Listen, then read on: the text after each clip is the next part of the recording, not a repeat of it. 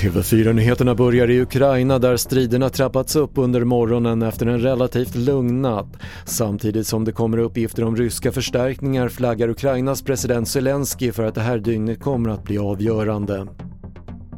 Facebook varnar för att proryska grupper använder sig av falska profiler och hackade konton för att sprida missvisande information om Ukraina.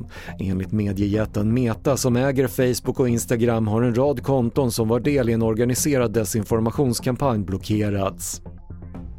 Och i skuggan av kriget i Ukraina presenterar FN idag en klimatrapport om ländernas sårbarhet och anpassning till ett klimat som förändras. I Sverige behöver mer göras för att framförallt klara av kraftiga skyfall och nu föreslår regeringen att alla kommuner ska ha en så kallad skyfallsplan. Det handlar ju om att man eh, ofta kanske inte har avlopp eller vattensystem som klarar av den klimatpåverkan och det extremväder som vi ser också i Sverige nu.